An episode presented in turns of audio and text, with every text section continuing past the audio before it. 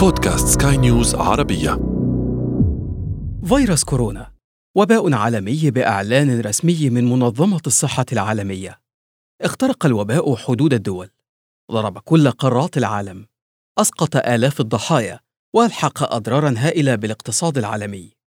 في غضون أسابيع فقط تسبب الفيروس في شل حركة العالم ووقف الطيران وإغلاق الحدود وتقييد الحركة ووضع شعوب بأكملها قيد الحجر الصحي. صنف العلماء الفيروس الجديد كعضو سابع في عائلة فيروسية يمكن أن تصيب البشر بالأمراض. تعرضت البشرية لهجوم من عائلة كورونا في ست نسخ سابقة. كان بعضها ضعيفا أمام المناعة البشرية، لكن بعضها كان قاتلا.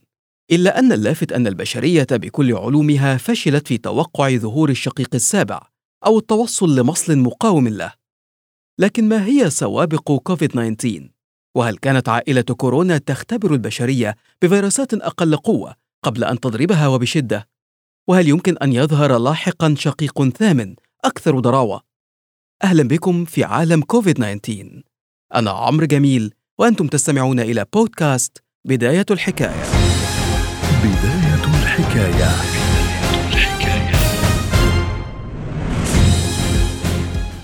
في ستينيات القرن الماضي اكتشف العلماء فيروسات تسبب امراضا للثدييات والطيور. تظهر تحت المجهر في شكل تاج أو هالة. منحها العلماء اسم كورونا اشتقاقا من الاسم اللاتيني لكلمة تاج. وجد العلماء أن هذه الفيروسات يمكن أن تنتقل إلى الإنسان في حال مخالطة طيور أو حيوانات مصابة لتهاجم الجهاز التنفسي للبشر. دعونا نستمع إلى ضيف هذه الحلقة الدكتور غسان الأعور أخصائي الأمراض الجرثومية. الكورونا فيروسز هي عائلة كبيرة من الفيروسز الفيروسات المعروفة تماما وأهميتها أنها موجودة عند الحيوانات بشكل عام وبشكل واسع أيضا. وهي مهمة بالنسبة للطب البيطري لأنها تصيب الحيوانات ويمكن أن تؤذيها أو تسبب موت بعض هذه الحيوانات.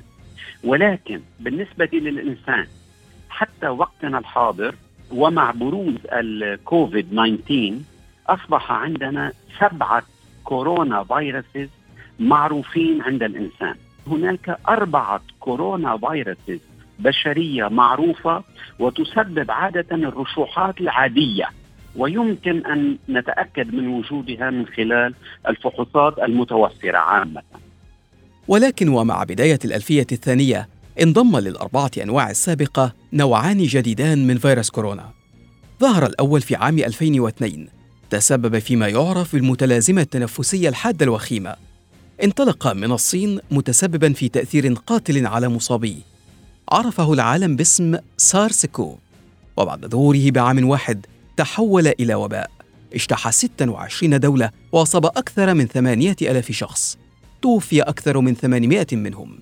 وبعدها بعشر سنوات أخرى ظهر قاتل آخر بالعائلة. انتقل أيضا من الحيوانات إلى الإنسان وأطلق عليه اسم MERS. coronavirus مسببة MERS-CoV أي متلازمة تنفسية في الشرق الأوسط. وهذا يسبب طبعا نسبة عالية من الوفيات لذلك الاهتمام الكبير في الخليج عامة في التدقيق والبحث عن هذا الفيروس. وانتقاله ومعالجة المرضى والعائلات التي يصيبها والحمد لله جرى تحديده وتحديد انتشاره بشكل كبير.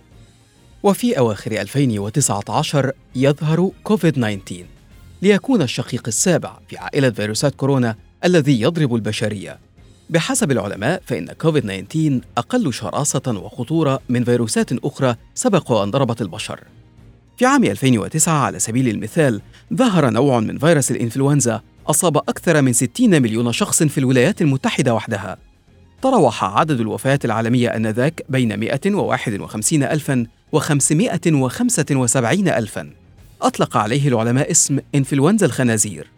كانت خطورة إنفلونزا الخنازير تكمن في قدرته على التغير السريع هربا من تكوين مضادات له في الأجسام التي يستهدفها. في حالة كوفيد 19 فإن الأمر مختلف كما يقول الدكتور غسان. العوامل الوراثية للفيروس والتي اكتشفها الأطباء الصينيون في البداية يبدو أنها ثابتة نوعا ما. يبدو أنها لا تتغير كثيرا. ومن خلال الدراسات الطبية جرى درس 200 وحدة من هذا الفيروس في الصين وخارج الصين أيضا. ويبدو أن التطابق الجيني بينها مجموعها هو أكثر من 99% مما يعني بأن هذا الفيروس لا يغير العوامل الوراثية عنده، هذا يعطي املا أكبر في إيجاد لقاح، لأن طالما الهدف لا يتغير كثيرا يصبح من الأسهل إيجاد لقاح أو التصويب نحوه بلقاح فعال. لكن إذا كان الفيروس ليس بهذه الشراسة، وإذا كانت البشرية نجحت بالفعل في التعرف عليه بل وواجهت فيروسات من نفس العائلة من قبل، فلماذا فشلت في توقعه أو التوصل للقاح للوقاية منه؟ في الواقع أن الكورونا فيروس السابقتين أي سارس عام 2002 والميرس كوفي عام 2012 2013 في الخليج آه، طبعا كان هناك اهتمام كبير ولكن يبدو أن المجتمع العلمي والطبي لم يتابع آه، هذا الموضوع بجد وباهتمام كبير حتى يجد العلاجات المطلوبة أو اللقاحات المطلوبة أيضا. ربما تكون البشرية اذا أخفقت في إنتاج لقاح يقيها شر كوفيد 19 لكنها تستند الآن إلى معارفها وخبراتها في التعامل مع الفيروس وهو أمر أساسي في التعامل مع كورونا المستجد. في عام 1918 سبب وباء الإنفلونزا الإسبانية إصابة 500 مليون شخص وقتل أكثر من 50 مليوناً. لم يعرف العلماء حينها ماذا يواجهون. ولم يعرفوا إلا بعد ذلك التاريخ بعشرين عاماً حينما تم اختراع المجهر الإلكتروني. أما في حالة كورونا المستجد فقد اشتبه العلماء في أنه فيروس وفي غضون أسبوعين حددوا هويته على أنه فيروس كورونا. وتتبعوا خريطته الوراثية واكتشفوا أن الخفافيش هي الحيوانات الأكثر احتمالا لحمله. تم مشاركة هذه المعلومات بين مختلف الدوائر العلمية في العالم، ما سمح لمختبرات الأبحاث ببدء عملية طويلة ومعقدة لفهم الفيروس والتوصل إلى لقاح وعلاج. ربما لم ننتصر على العدو بعد، لكننا بالتأكيد نعرف الكثير عنه.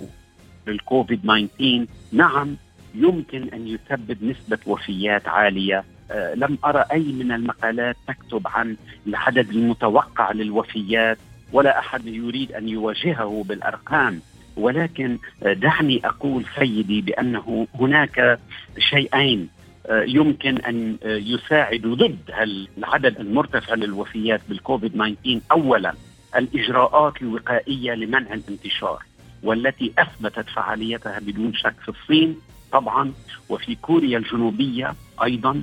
نرى نتائج جيدة جدا في سنغافورة.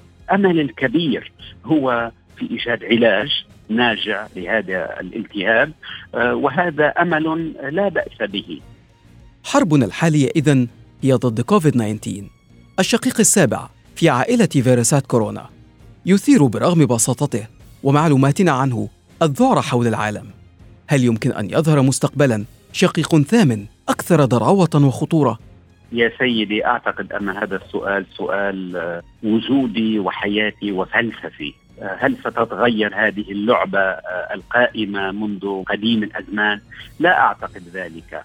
لماذا؟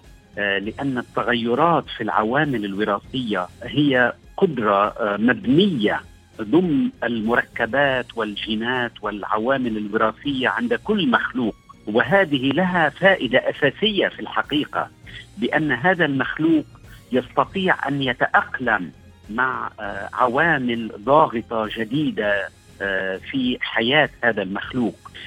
أيضا تعتمد على تغيرات وراثيه أخرى.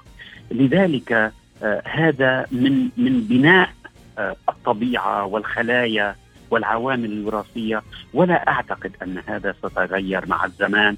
وأعتقد بأن كل جيل أو جيلا بعد جيل سيواجه الإنسان هذه الأوبئة أو الأمراض العالمية أيضا. قبل كوفيد 19 تعرضت البشرية للإنفلونزا الإسبانية وإنفلونزا هونغ كونغ والإيدز وإنفلونزا الخنازير وإيبولا وغيرهم. ربما تصحح الطبيعة نفسها، ربما تذكرنا بأننا لسنا وحدنا في هذه الحياة. غالبا سيتجاوز العالم كوفيد 19 كما تجاوز ما سبقه، لكنه سيبقى تذكرة بأن البشرية يجب عليها أن تحترم الطبيعة وأنها قد تواجه الخطر في أي لحظة إن لم تفعل ذلك.